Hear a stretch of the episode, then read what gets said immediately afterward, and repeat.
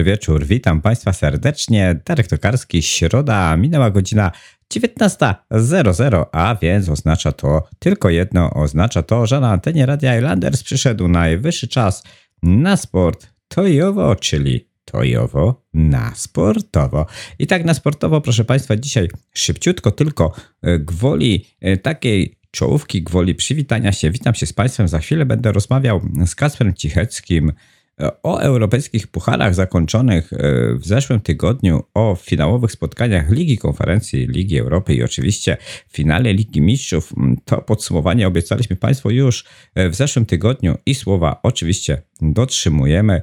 E, teraz trzeba tylko nadmienić, że dzisiaj w środę Polska Chwilę temu zakończyła spotkanie z Walią. O tym spotkaniu będziemy rozmawiać. Oczywiście w przyszłym tygodniu będziemy rozmawiać o tej Lidze Narodów, która rozpoczyna się właśnie dzisiaj. No ale najważniejszą informacją dnia dzisiejszego to oczywiście zwycięstwo Iki Świątek w półfinale. Proszę Państwa, Polka pokonała Jessikę Pegulę 6-3, 6-2. Wynik pokazuje, że było to łatwe zwycięstwo, ale tak do końca e, prosto nie było. Kilkokrotnie rywalka naszej e, zawodniczki, rywalka rozstawiona, przypomnijmy, z numerem 1 liderki światowego rankingu Igi Świątek, grała bardzo, bardzo dobrze. Trzeba powiedzieć, że ostatni game był bardzo zacięty i proszę Państwa, można powiedzieć, że e, Iga Świątek zagrała jak bardzo, bardzo wytrawna i rutynowana zawodniczka, na którą powoli, znaczy którą powoli się staje właśnie, e, proszę Państwa, trzy piłki meczowe obronione przez um, Jessica Pagule, ale zgodnie ze starym polskim przysłowiem um, do trzech razy sztuka, e, za czwartym nauka i proszę Państwa, czwarta piłka meczowa wygrana już przez Igę Świątek i cały mecz 6-3, 6-2. Iga Świątek melduje się półfinale French Open i liczymy na to, że ten półfinał będzie zwycięski, bo przecież finał na pewno jest w zasięgu Igi Świątek. Ba, trzeba powiedzieć, że zwycięstwo w Rolandzie Garosie to jest na pewno dla Igi Świątek e, cel realny do zrealizowania, jeśli można tak powiedzieć, no bo przecież Iga Świątek jest w topowej formie, to już ponad 30 spotkań bez porażki i 5 turniejów wygranych z rzędów. Trzymamy mocno, mocno kciuki za Igę Świątek i proszę Państwa, przechodzimy sobie do tematu tygodnia. Dzisiaj naprawdę bardzo szybciutko, bo e, tych informacji, o których rozmawiamy z Kasprem jest bardzo dużo i zapraszam Państwa serdecznie. Oczywiście o piłce nożnej dzisiaj będzie e, bardzo dużo temat tygodnia. Zostańcie z nami. Zapraszam bardzo gorąco.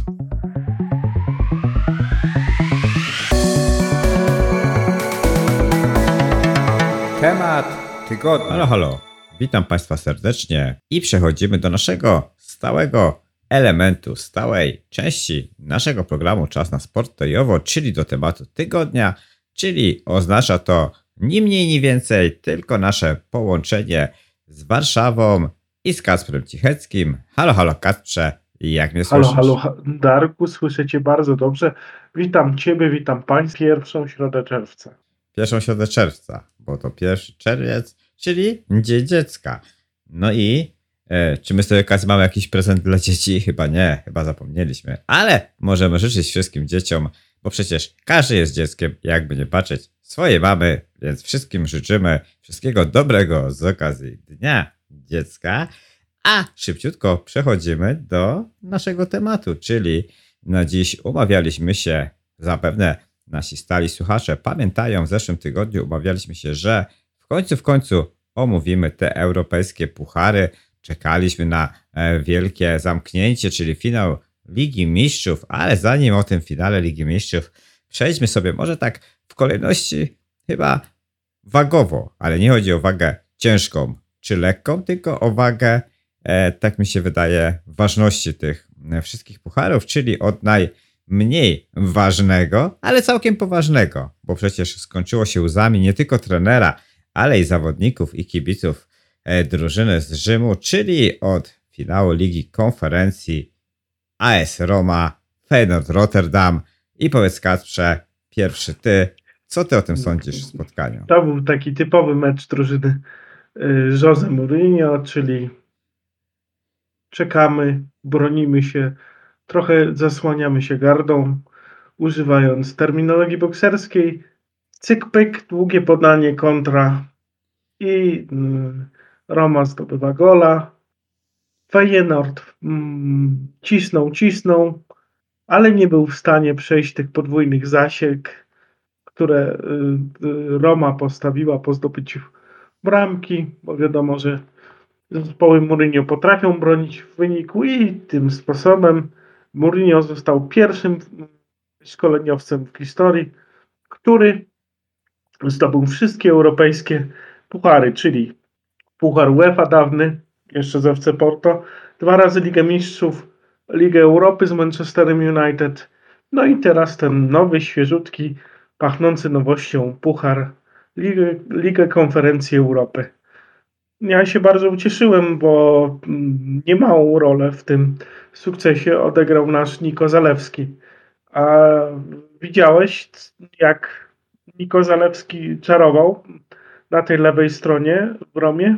Tak, tak. Niko, Niko Zalewski e, czarował, jak przyzwyczaił nas w tym sezonie, szczególnie w tej drugiej rundzie, kiedy to e, po kontuzji Spinazzoli Jose Mourinho postawił właśnie na e, polskiego zawodnika na tym lewym wahadle i ku naszemu chyba zaskoczeniu, można powiedzieć, gra defensywna Zalewskiego stała się naprawdę na top poziomie i rzeczywiście czarował, czarował do tej żółtej kartki, którą dostał, no w konsekwencji czego, aby uniknąć pewnie czerwonej, Jose Mourinho, e, doświadczony trener, takiego młokosa postanowił ściągnąć i wpuścić doświadczonego zawodnika i też wtedy po, tej, po, tym, e, po tej zmianie e, Spinazzoli na, znaczy Zalewskiego na Spinazzole, też ta Roma zaczęła troszeczkę odważniej grać w drugiej połowie, bo to prawda, co mówisz, że stała za tymi podwójnymi zasiekami pamiętajmy, bramkę dla Romy na 1-0, bramkę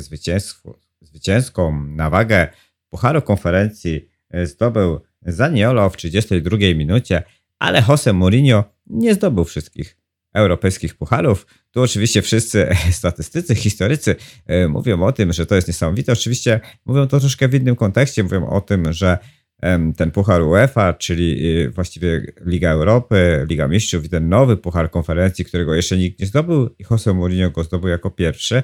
No bo gdybyśmy już tak byli e, czepialscy, a ja przecież wszyscy dobrze o tym wiedzą, taki właśnie jestem, to Jose Mourinho nie zdobył pucharu zdobywców pucharów, który kiedyś był e, jako to trofeum e, i ten turniej którym uczestniczyli wszyscy zdobywców pucharów w danych ligach. Nie wiem, Kacprze, czy ty jako młodzieniaszek pamiętasz jeszcze takie czasy? To znaczy wiem, że taki puchar był i wiem, że w tym pucharze świetnie radziła sobie Legia Warszawa z e, Wojciechem Kowalczykiem w składzie.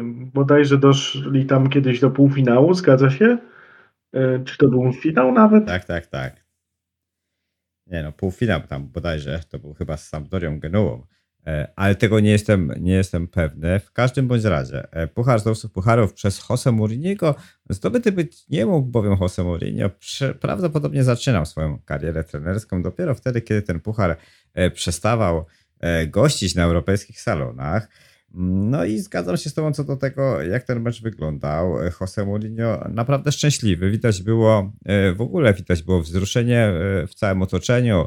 E, AS Romy wśród kibiców. W Rzymie włoska prasa e, bardzo wiele miejsca poświęciła drużynie z Romy, a przecież ten puchar konferencji tak naprawdę miał być tym pucharem pocieszenia, e, a dla Romy to było osiągnięcie, to o czym ty wspomniałeś na początku, bardzo ważne. Od dawien dawna Roma przecież jest klubem, który się kojarzy zawsze z dobrą grą, z topem Serie A, z europejskimi pucharami, ale tych trofeów Roma zdobywać jakoś nie mogła i po prostu potrzebowali e, Mourinho do tego, aby zdobyć. A ja ciebie się zapytam jako lingwisty jeszcze, bo ja jak e, wypowiadam nazwisko Mourinho, to jeszcze w miarę mówię dobrze, natomiast ja mówię Jose Mourinho. Czy po hiszpańsku się mówi Jose czy Jose? Czy po portugalsku się mówi Jose? Bo ja ciągle mam wątpliwości, jak powinno się wypowiadać imię To znaczy, Mourinho. ja tak trochę bezwiednie wypowiadam imię wielkiego portugalskiego trenera i raz mówię Jose, raz mówię Jose.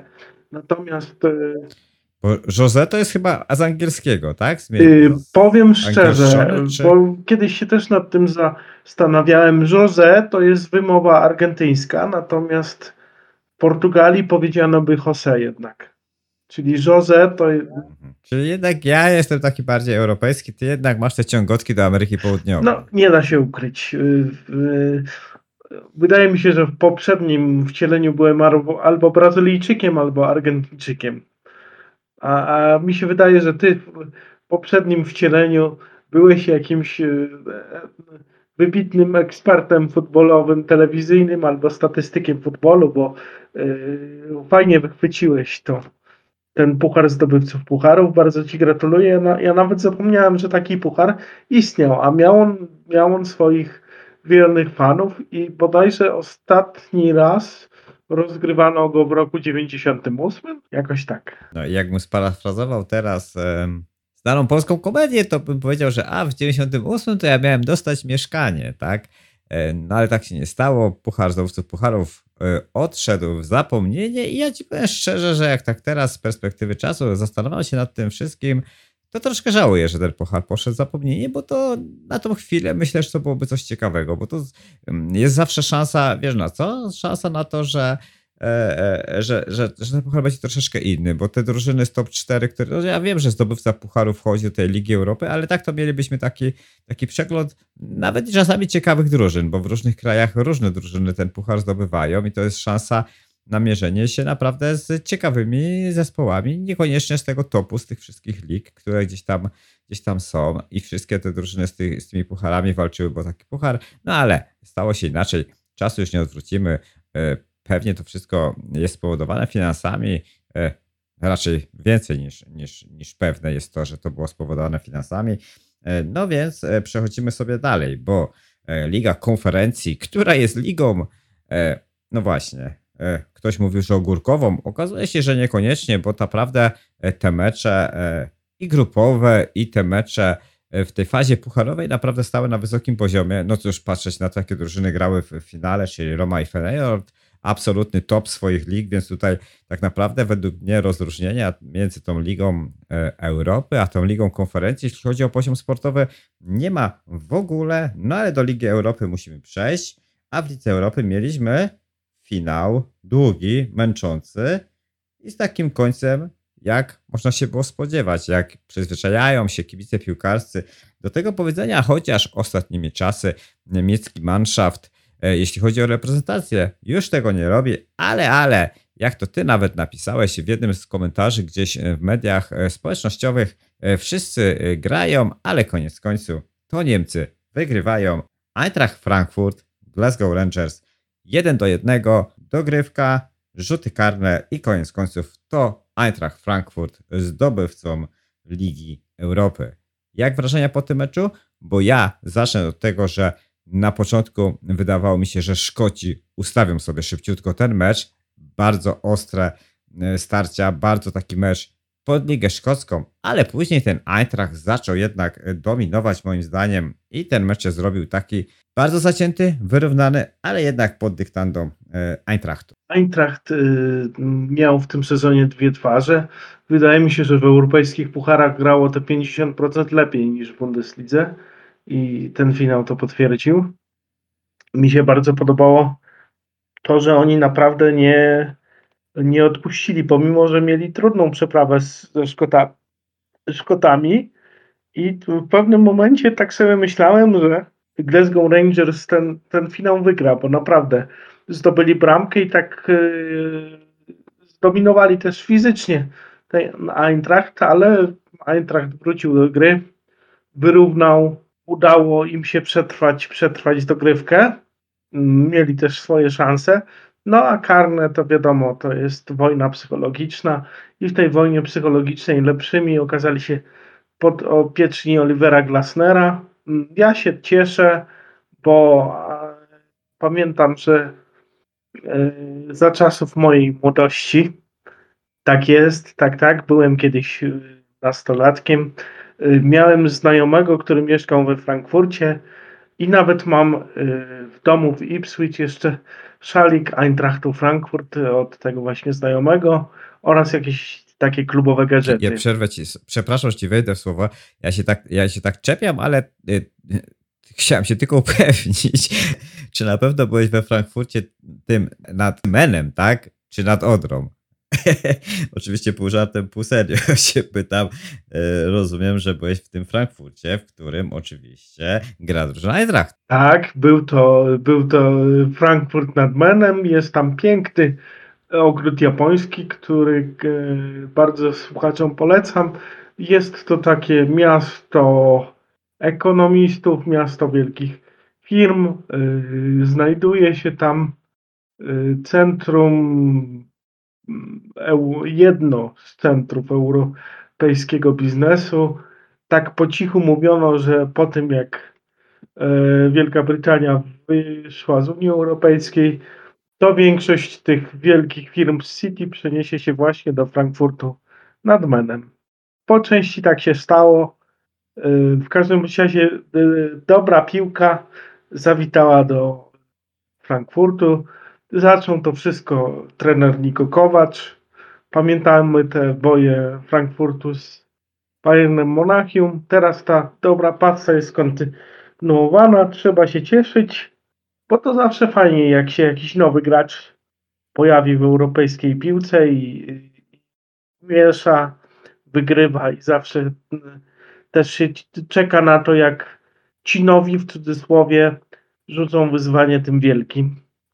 I mm, dla, dla całej niemieckiej piłki to też jest duży plus, bo oni w nadchodzącym sezonie będą mieli pięć drużyn w Lidze Mistrzów. Także... No tak, i to chyba wydaje mi się, że to, mm, o czym ty mówiłeś na początku, że Eintracht rzucił wszystko na Ligę Europy, e, właśnie dlatego, że e, miał już bardzo małe szanse na to, żeby walczyć o to, aby zająć to miejsce dające prawo startu w Lidze Europy, czy, czy w eliminacjach do Ligi Mistrzów w Bundeslidze, bo w Bundeslidze rzeczywiście nie wiodło im się najlepiej. No a wiadomo, że zwycięzca Ligi Mistrzów automatycznie dostaje miejsce w e,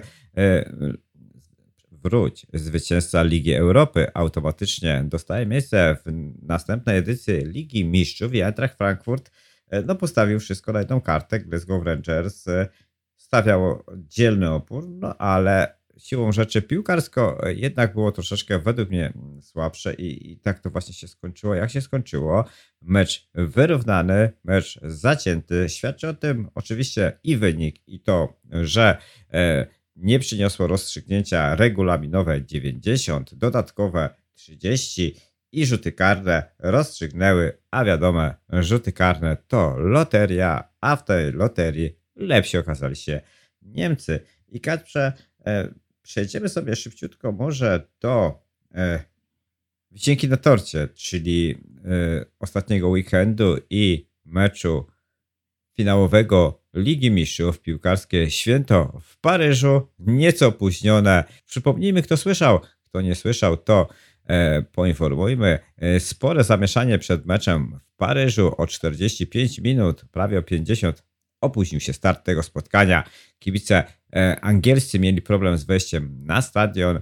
E, wiele już e, właściwie zostało wyjaśnione i wiele już było omówione, ale tylko ku takim dziennikarskim obowiązkom informujemy o tym takim małym skandalu na początku. Na szczęście piłkarze na boisku nie zawiedli i stworzyli fascynujące widowisko sportowe. No właśnie tutaj też trzeba by powiedzieć, że rywalizacja zaczęła się od triatlonu kibicowskiego, czyli skoków przez przeszkody i sprintu do wejścia stadionowego. Nie wiem, czy ty widziałeś te filmiki. To naprawdę wyglądało imponująco. Niektórzy angielscy kibice, pomimo, że tam orężady nie zabrakło przed, przed meczem, to wykazywali się niesamowitą sprawnością. Tak, tak, Myślę, ale, ale po, tak trzeba sprawiedliwości oddać to, że e, to troszeczkę był błąd organizacyjny, dlatego że e, z tego, co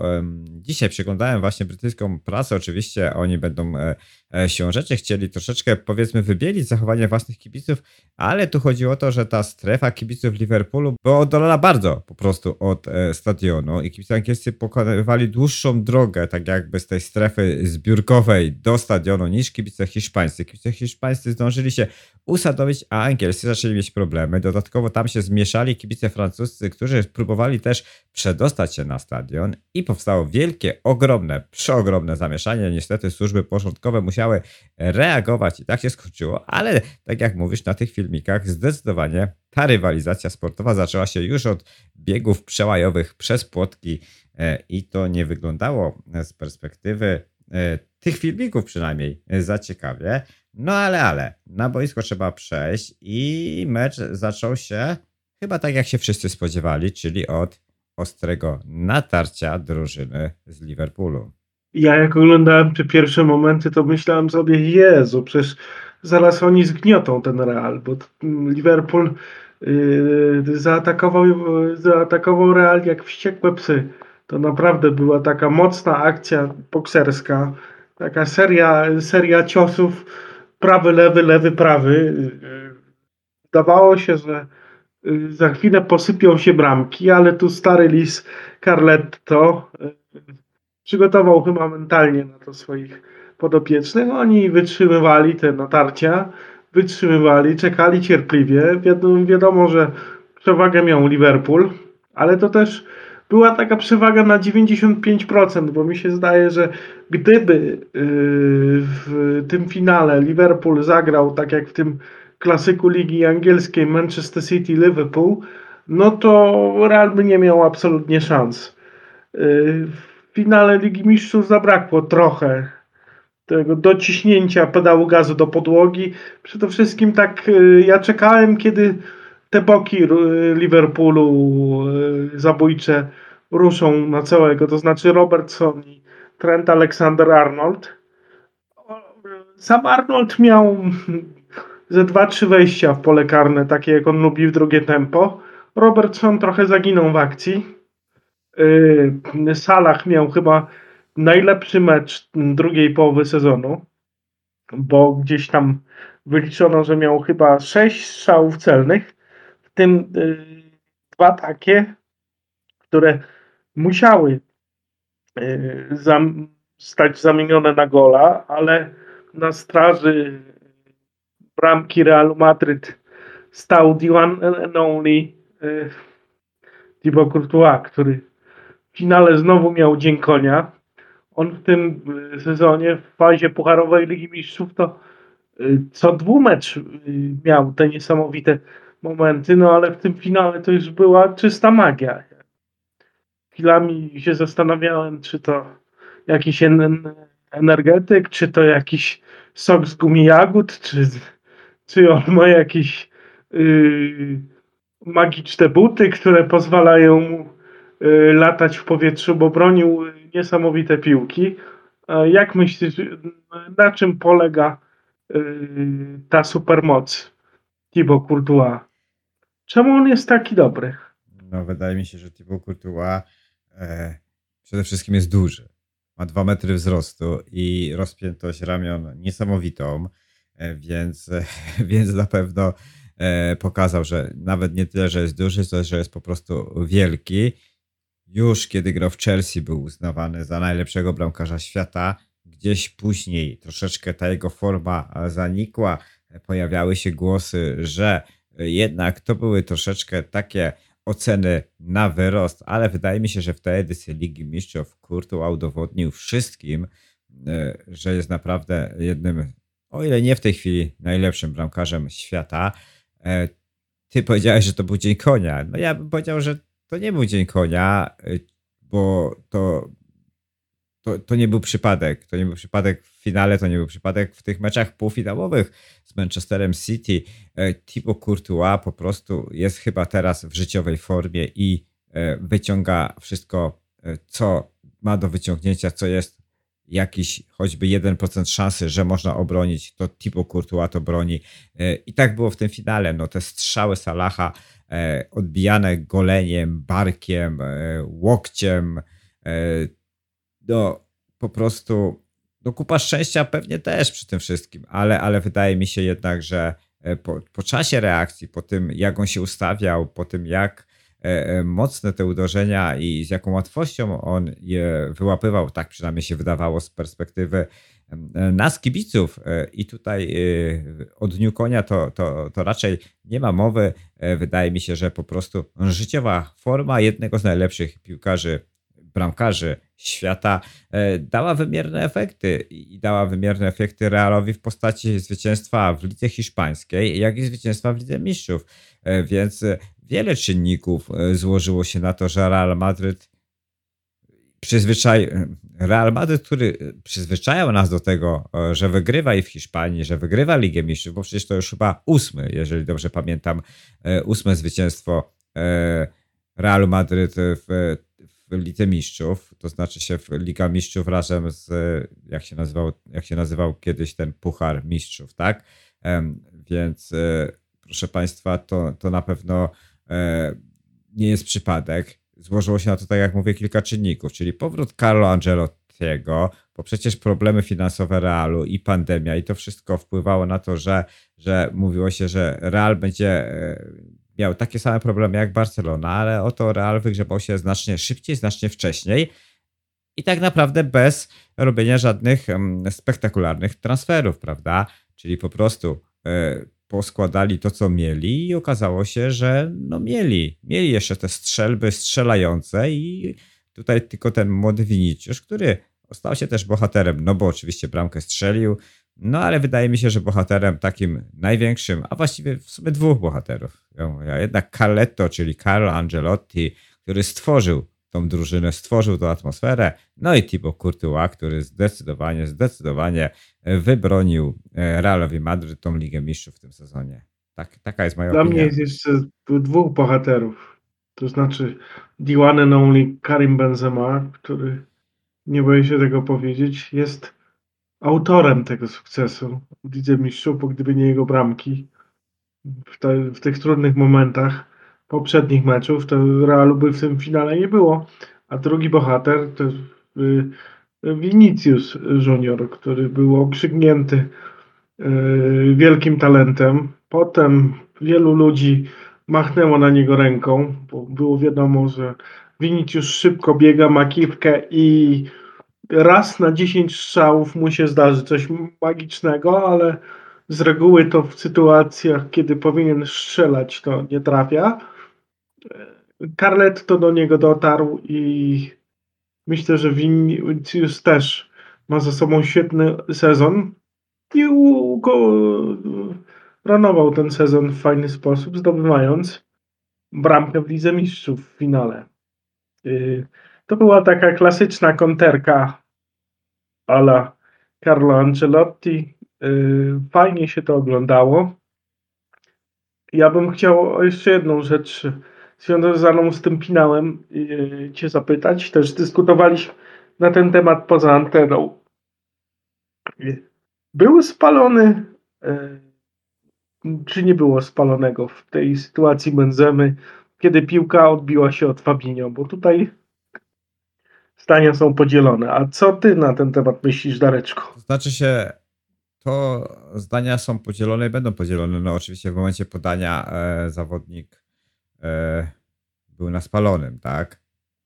I tutaj nie mam wątpliwości. A e, z tego, co ja się orientuję, to te przepisy odnośnie, odnośnie spalonego też się zmieniają i też nie, nie każdy e, kibic jest e, z przepisami na bieżąco. Wiemy, że tych, na przykład jeśli chodzi o rękę i o rzut karny, czy była ręka, czy nie była w polu karnym, to też te interpretacji jest dużo. Natomiast mimo to, że piłka się odbiła do obrońcy, y, zawodnik był na pozycji spalonej, to znaczy, że był spalony. Taka jest interpretacja e, przepisów, więc wydaje mi się, że, że wszystko było zgodnie z przepisami. Mhm. Można by się tylko zastanawiać, co by się stało, gdyby to Liverpool wygrał w finale i pewnie hiszpańskie media przeżywałoby mm, to kolano Fabinho przez najbliższe kilka lat.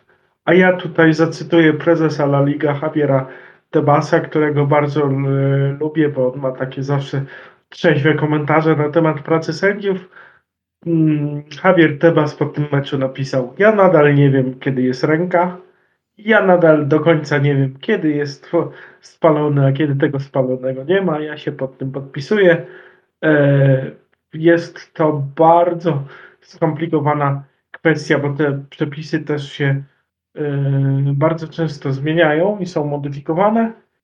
Mam nadzieję, że w następnym finale Ligi Mistrzów już podobnej sytuacji nie będzie, a Jurgen Klopp na pomeczowej konferencji zaprosił dziennikarzy mm, na finał do Stambułu bo jest przekonany o tym, że Liverpool na tym przyszłorocznym finale w, Stam w Stambule się zamelduje. A może Jurgen Klopp wie co, coś, o czym my nie wiemy, czyli na przykład będzie trenerem innej drużyny i z inną drużyną e, do Stambułu poleci. Oczywiście e, żartuję, bo chyba Jurgen Klopp przedłużył kontrakt e, z Liverpoolem, nie jestem tego pewny. No a skoro już zamknęliśmy sobie tak troszeczkę ten temat, przeszliśmy do transferów, to może troszeczkę o, o spekulacjach powiedz mi, bo ostatnimi czasy mówi się sporo o, o, o ciekawych transferach w tym sezonie. Jest taki najnowsza, najnowszy cytat. Jeśli chodzi o ten temat, to myślę, że teraz to, co powiem, to, to raz i wystarczy, więc mam nadzieję, że kolejnych pytań na, na ten temat nie, nie będziecie zadawali nie, i na pewno nie, nie będę musiał odpowiadać, ale na dziś pewne jest jedno, e, że moja historia z, z Bayernem Monachium jakby dobiegła dobiegła końca i ja nie wyobrażam sobie wszystkim, co wydarzyło się w ostatnich miesiącach, nie wyobrażam sobie dalszej dobrej współpracy. Mm, wiem, oczywiście zdaję sobie z tego sprawę, że mm, transfer będzie najlepszym rozwiązaniem dla obu stron i wierzę w to, że, że Bayern nie zatrzyma mnie tylko dlatego, że może. I co na to Kasper Ciechecki powie? To brzmi jak Y, nastąpił całkowity rozkład pożycia y, małżeńskiego i relacja moja z Bayernem się zakończyła. Trochę to smutne, że w taki sposób y, rozmawia ze sobą. Najlepiej rozmawiają ze sobą jeden z najlepszych klubów w Europie, no i jeden z najlepszych napastników w Europie i na świecie tak sobie pomyślałem, że to przecież można by rozwiązać w sposób cywilizowany i na pewno nie rozmawiać ze sobą przez media. Ja się ciągle zastanawiam, bo naprawdę nie jestem w stanie odpowiedzieć na to pytanie. Czy, czy to rzeczywiście było tak, że, że Bayern tak zwodził Lewandowskiego, Y, grając ciągle na tą opcję sprowadzania, sprowadzenia Landa. Y, nie wiem, być może jest to taki mak makiaweliczny zabieg y, Piniego Zachawiego, który chce tak już skłócić te dwie strony, żeby w końcu Bayern no, powiedział no dobra, już dobra, już dajmy temu spokój, już idź. Już nie widzimy szansy na współpracę pomiędzy nami. Ja nie jestem w stanie odpowiedzieć na to pytanie. Z, z jednej strony pamiętam, jak y, Bayern postąpił z Mandzukiczem, pamiętam, jak Bayern postąpił z Coutinho, który jednak wymiernie pomógł y, temu klubowi w zdobyciu Ligi Mistrzów 2020 w tym trudnym y, y, czasie tej największej pandemii. No ale nie wiem, no no Lewandowski jest w tym momencie najlepszym graczem Bayernu i naprawdę nie rozumiem. No ale właśnie, tylko że Bayern nie ma problemów z rozstawiania się z tymi gwiazdami. E, jeśli chodzi o, o opiniego Zachawiego, to też e, chyba nie jest w najlepszych relacjach z władzami Bayernu. E, już tłumaczone było to, on przynajmniej tłumaczył, że ten, to odejście Alaby, czyli odejście Alaby za darmo, to też nie było jego winą, tylko e, że e, Bayern za to winił jego, a on z tym nie miał nic wspólnego. Ciekawe, czy to jest tylko gra, czy rzeczywiście tak było. Jeśli chodzi o Roberta, e, i tego Alanda, co ty mówisz, to wydaje mi się, że może być coś na rzeczy, dlatego że e, wiesz, Robert Lewandowski jednak mimo wszystko wyrobił sobie już taką pozycję e, w Bayernie. Jest jakby nie patrzeć legendą tego klubu, jest legendą tej ligi i już zawsze nią będzie. Tutaj wiesz, wydaje mi się, że w następnych trzech przynajmniej epokach no nie będzie drugiego takiego napastnika, który strzeli dla Bayernu tyle bramek. No i potraktowanie go w ten sposób, jeżeli rzeczywiście to miało tak wyglądać, e, że oni negocjowali sobie z tym Alandem i, i, nie przedłożyli mu tak naprawdę tej umowy odpowiednio wcześnie, no bo umówmy się, zawsze jeżeli się ma takiego zawodnika, z którym się chce e, przedłużyć kontrakt, z którym wiąże się przyszłość, e, to ten kontrakt się odpowiednio wcześnie daje, przynajmniej taką pierwszą jakąś propozycję, później można go negocjować, można dodawać tam, wiesz, skreślać te linijki, do, dopisywać coś, prawda? Natomiast no tutaj wiemy, że tego kontraktu długo, długo nie było. I wydaje mi się, że Robert Lewandowski uderzył ręką w stół, bo jako najlepszy piłkarz świata, przypomnijmy, dwa razy z rzędu według e, e, FIFA był właśnie najlepszym piłkarzem świata, może sobie na to pozwolić, żeby e, po prostu chcieć zmienić klub, tak? Co zrobi Bayern Monachium? Nie wiadomo. Podaje się też, że oficjalna padła kwota z Barcelony 32 miliony euro.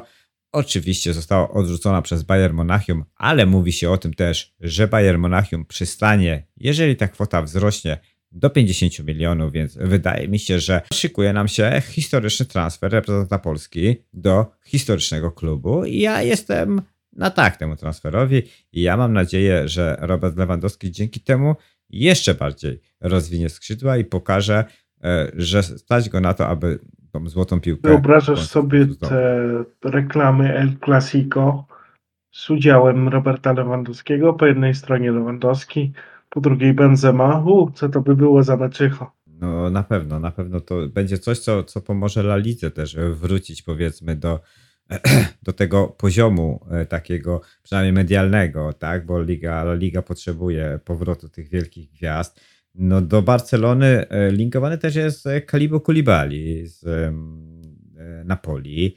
E, tutaj o dziwo prezes De Laurentiis twierdzi, że Koulibaly ma drogę wolną, jeżeli wybierze Barcelonę, ok, ale jeżeli zostanie w Napoli, to będzie się z tego cieszył. Bayern Monachium też z takich newsów ostatnimi czasy zezwolił, czy właściwie rozwiązał za porozumieniem stron umowę z Tolisso. Tolisso zostaje wolnym zawodnikiem, więc e, jako free agent będzie teraz e, do wzięcia. E, także sporo się dzieje. Wiemy, że Luka Modric przedłużył już kontrakt z Realem Madryt i Vinicius Junior tak samo, także sporo tych ciekawostek. Sadio Mane z Liverpoolu natomiast definitywnie potwierdził już, że on z Liverpoolu odchodzi, także w tych największych klubach szykuje nam się naprawdę sporo roszad w te, w te wakacje. Tak, jeszcze Angel Di Maria zawita do Juventusu. Y, y, Di Maria staje się takim obieży światem, bo ile, o ile pamiętam, on też w CV miał i Real Madryt. Co tam jeszcze było przed Realem Madryt? Któryś y, z klubów w Mediolanie bodajże, czy to Iguain. Także też mm, ciekawe, co się wydarzy z tym skądinąd świetnym napastnikiem. Myślę, że Di Maria ma y, w głowie to, żeby jak najlepiej się do jesienno-zimowego mundialu przygotować, bo myślę, że wraz z Messi będą tym trzonem reprezentacji Argentyny. Oby tylko Di Maria nie nastrzelał nam goli w meczu grupowym. Myślę, że Niko Zalewski i Kamil Dick znajdą sposób na to, jak zatrzymać Angela Di Maria. No i może przejdźmy jeszcze na, na deser.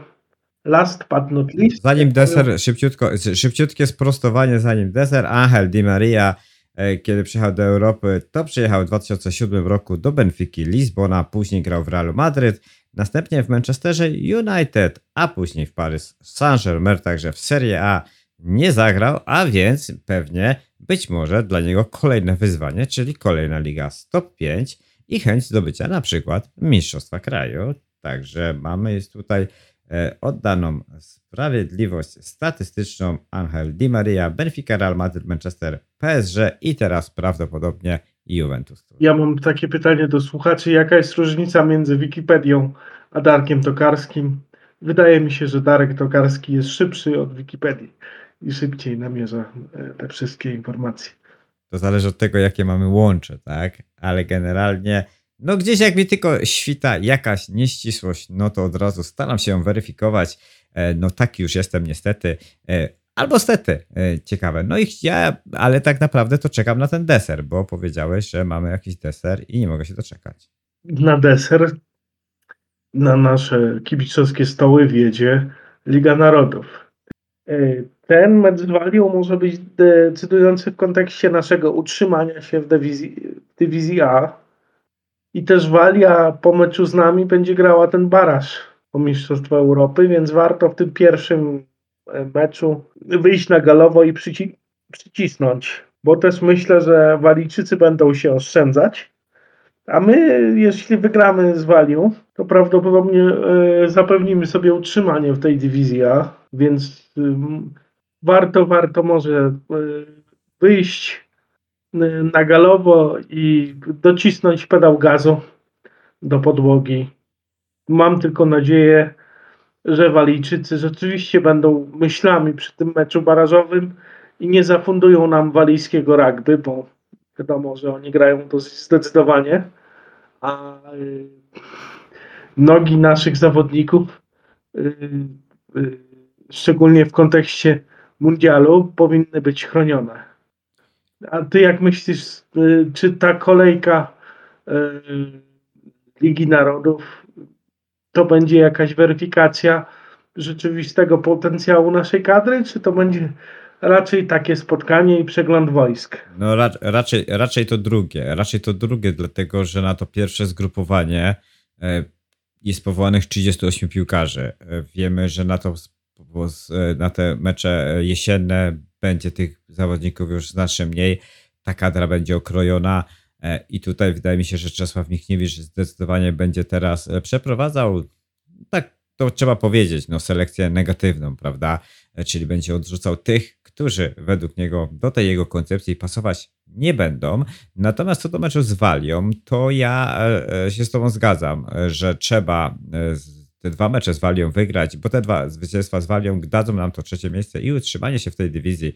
Myślę, że Belgia i Holandia e, z racji też e, powiedzmy okresu w budowie danych drużyn są poza zasięgiem e, Polski, dlatego że no wiemy, że nasza kadra jest niestety dopiero w budowie, natomiast to są już e, utarte schematy, e, które grają dla Belgów. Prawdopodobnie ostatnia wielka impreza w takim składzie jeszcze nieodmłodzonym. No Holandia zaczyna wchodzić na, na wysokie e, e, tory, czy na wysokie loty i jedzie bardzo szybko po tych torach. E, Także tutaj też y, myślę, że, że, że, że Polacy raczej będą tłem dla, dla tych drużyn. Pewnie będziemy ćwiczyć jakieś swoje schematy. Chciałbym, żeby Polacy się dobrze zaprezentowali, e, bo tak ostatnio e, e, troszkę dygresyjnie przeskoczę do Australian Open, gdzie przed finałem Ligi Mistrzów w Paryżu, który się odbywał oczywiście, była konferencja prasowa z Ligą Świątek i tam dziennikarze pytali się ją o Ligę Mistrzów. Ona powiedziała, że bardzo chciałaby e, iść na mecz, bo nigdy nie oglądała e, meczu piłkarskiego na żywo na tak wysokim poziomie, a któryś z dziennikarzy żartobliwie powiedział, to pewnie dlatego, że jesteś z Polski. Cała sala wybuchła śmiechem e, ku pewnie niezadowoleniu i zaczerwieniu polskich kibiców, którzy oczywiście się z tym nie zgadzają. My się też z tym nie zgadzamy, bowiem wiemy, że w Polsce też na wysokim poziomie można mecze oglądać, szczególnie kiedy nasza kadra naprawdę grywa dobrze. E, oczywiście pół żartem, pół serio i dygresyjnie, no ale e, zgadzam się e, z Tobą, że z Walią musimy walczyć, musimy się utrzymać w tej dywizji. Jeżeli chcemy się utrzymać w tej dywizji, to są te dwa mecze z Walią kluczowe. Tak jak mówiłeś, no Walijczycy być może podejdą ostrożniej troszeczkę do meczu z Polską właśnie dlatego, że mają ten baraż jeszcze i tutaj mogą oszczędzać powiedzmy nogi, chociaż Walijczycy za nie są też z tego, podobnie zresztą jak Szkoci, którzy rozszarpali naszą kadrę, w przypomnijmy, przed meczem ze Szwecją. i, i tych kontuzji było co niemiara, także mm, no, walczycy na pewno nie odstawiają ani głowy, ani nogi, a, ani pewnie niczego, także mm, no, wydaje mi się, że, że zgadzam, że masz rację i, że, i zgadzam się z tobą w 100%. Natomiast tak jak mówiłem, co do tych meczów z Belgią, z Holandią, no to wydaje mi się, że możemy sobie ewentualnie poszukać jakichś tam schematów. Ciekawy jestem, e, jak e, będą, będzie wyglądała nasza kadra, e, jeśli chodzi o tych właśnie zawodników w kontekście transferów, bo wiemy, że kilku zawodników szykuje się do transferów. Wiemy oczywiście, o czym mówiliśmy przed chwilą, że Robert Lewandowski. Arkadiusz Milik raczej, raczej spokojny, bo Olimpik Marsylia potwierdził, że nie zamierza się pozbywać Milika, że wręcz zamierzają wykupić, bo tam jakaś tam jeszcze e, ewentualnie ostateczny wykup jest te 7 chyba czy 10 milionów euro. Do Napoli powędruje Olimpik Marsylia. Zdecydował się na tą chyba klauzulę pierwokupu takiego.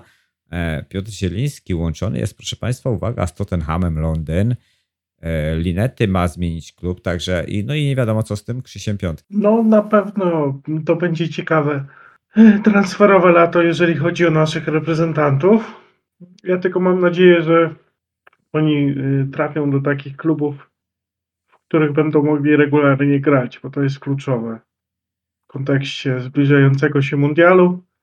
Y, ja bym bardzo chciał, żeby Piątek został we Fiorentinie, bo y, widać, że on się tam odnalazł i odnalazł ten żar i odnalazł to, mm, to swoje miejsce, bo on ewidentnie czuje tą włoską ligę i włoską piłkę.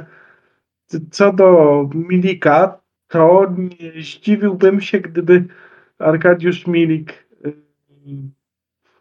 jednak, jednak zdecydował się na transfer do y, Atletico Madryt. Hiszpańskie media, oprócz Lewandowskiego y, i jego ewentualnej przeprowadzki do Barcelony, też grzeją temat Milika. Ja jestem, jak wiesz, Team La Liga, więc bardzo bym się ucieszył, gdyby jednak e, Milik trafił e, do Ligi Hiszpańskiej. A co z tym Linettym? Bo tego newsa nie znam. Powiedz mi więcej. No, no nie łapie się w Torino e, i prawdopodobnie będzie zmieniał klub. Być może, być może wróci do Sampdori i jeszcze nie wiadomo. Natomiast e, jego menadżerowie bardzo mocno pracują nad tym, żeby Linety znalazł klub taki, którym będzie miał zapewnione e, granie, a on e, markę w Serie A ma dość, dość, dość dobrze wyrobioną. No trafił do tego Torino, przypomnijmy, razem ze swoim trenerem, tak? No ale trener szybko się z Torino pożegnał, Karol Linety został, grał, grał i przestał grać. No i niestety, e, jeżeli myślę, że dla dobra reprezentacji, bo jeszcze pamiętajmy, że przypomnijmy może słuchaczom, że za Paulo Souza siwego Bajeranta do Karolinety dawał taki żar polskiej kadrze i szkoda by byłoby, żeby ten chłopak gdzieś spędzając czas na ławce rezerwowych, na przykład na Mistrzostwa Świata nie pojechał, bo to wartościowy piłkarz.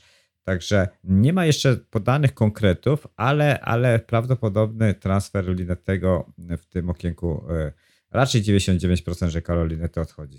Hmm, to ciekawe. A co, mm, jak myślisz, co wydarzy się z e, Karolem Angielskim? Tutaj zmieniamy całkowicie tematykę, bo e, zahaczamy na chwilę ekstraklasę. Karol Angielski był jednym z objawień tego sezonu w Lidze Polskiej mówi się o tym, że on też mógłby na zachód wyjechać. Jest jeszcze sprawa Adama Buksy, o którym ty jako krakowianin pewnie będziesz wiedział więcej. Ponoć Buksa ma wylądować w lidze francuskiej. Czy to jest prawda, czy to tylko... To znaczy Adam Buksa, Adam Buksa e, jeśli chodzi o Kraków, to, to miał tyle wspólnego, że wyleciał z Ligi Polskiej ze Szczecina. No ale, ale jego brat Olek oczywiście e, z Wisły Kraków. E, wiesz co, nie wiem w sumie, co się stało z tym Buksą, bo ja utknąłem na tym temacie, że on już był dogadany e, z Trabzosporem w lidze tureckiej, e, a z tego, co mówisz, to się ja teraz dowiaduję tak naprawdę od ciebie, że ten transfer do Turcji nie wypalił, ale jeszcze przejdziemy do tego e, angielskiego. E, Karola, proszę Państwa, bo to jest zawodnik rzeczywiście bardzo ciekawy.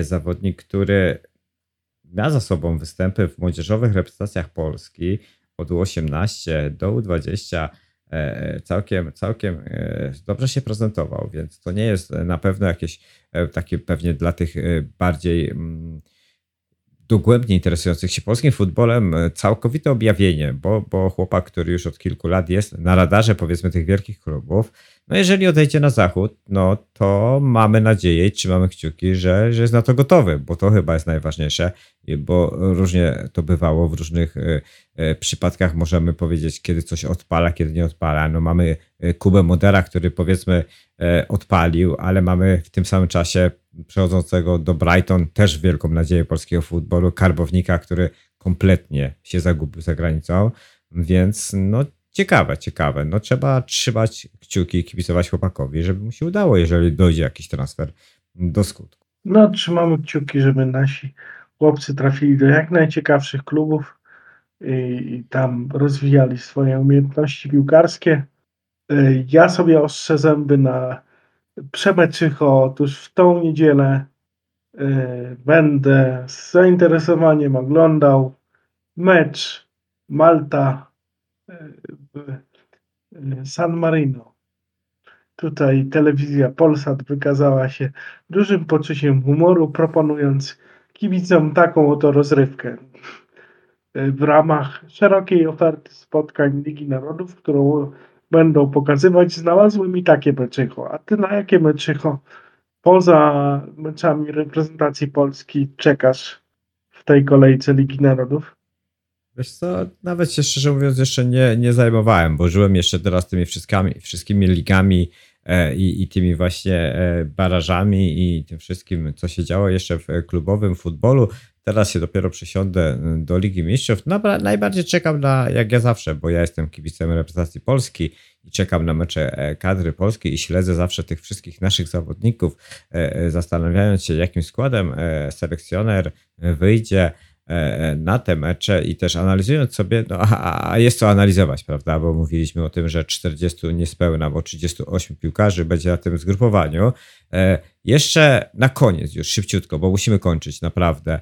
E, Gabriel Słonina, słyszałeś o tym, chłopak powołany ze Stanów Zjednoczonych, wielki talent, podobno e, bramkarski, e, cała sprawa rozkręcona przez kanał sportowy, telefony do kanału sportowego, tam dziennikarze między innymi dość ostro włączył się w to Mateusz Borek, gdzieś informacje do polskich scoutów o to, aby jednak dać szansę temu chłopakowi.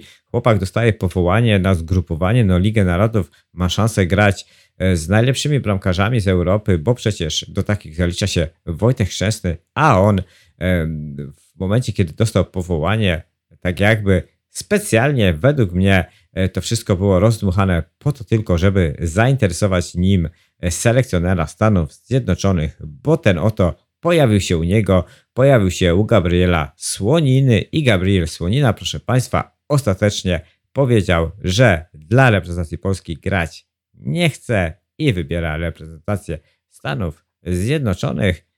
Kropka. Szkoda, ale z drugiej strony Polska bramkarzami stoi, więc myślę, że y, na tej pozycji akurat zawsze będziemy mieli jakiegoś solidnego zawodnika. Y, mam tylko nadzieję, że jeżeli zdarzy się tak, taki mecz y, z reprezentacją USA i Słonina będzie bronił bramki USA, czy jednak nasi napastnicy dadzą mu radę. I tym optymistycznym akcentem może zakończmy ten tak, odcinek tak, naszej Zakończmy. I z perspektywy też jeszcze patrząc z Polskiego Związku Piłki Nożnej, trzeba dodać, że Słonina został powołany, powołania nie chciał, a więc nikt za kilka lat nie powie, że kolejny Lukas Podolski czy Miro Kloze gdzieś tam nie byli przez nas wypatrzeni. Byli, mieli propozycje, nie chcieli i tym kończymy na dzisiaj. Kacprze, dziękuję Ci bardzo, bardzo serdecznie za to, że poświęciłeś nam e, swój bardzo cenny czas i mam nadzieję do usłyszenia w przyszłym tygodniu. Dziękuję za uwagę. Do usłyszenia. Pozdrawiam, wszystkiego dobrego. Dzięki, cześć.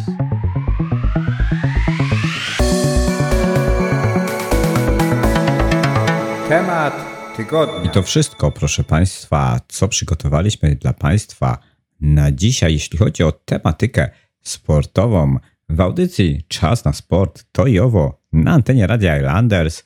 E, Dzisiaj środa, pierwszy dzień czerwca, a więc proszę Państwa, tak jak wspominaliśmy z Kasprem, Dzień Dziecka, jeszcze raz wszystkie dzieci od nas otrzymują serdeczne e, życzenia i proszę Państwa, kończymy. Przypomnijmy najważniejsze informacje dnia dzisiejszego. Iga Świątek melduje się w półfinale French Open na kortach Rolanda Garrosa. E, Wygrała dość spokojnie, choć momentami było ciężko. Wygrała ten swój środowy ćwierćfinał i melduje się w półfinale. Proszę Państwa, kadra Polski po meczu z Walią czeka już na kolejne wyzwania, czyli mecze z Belgią i Holandią, a my żegnamy się już i do usłyszenia. Czas na sport to i owo na antenie Radia Islanders. Audycję prowadził jak co środę dla Państwa Darek Tokarski. Dziękuję pięknie za uwagę i do usłyszenia.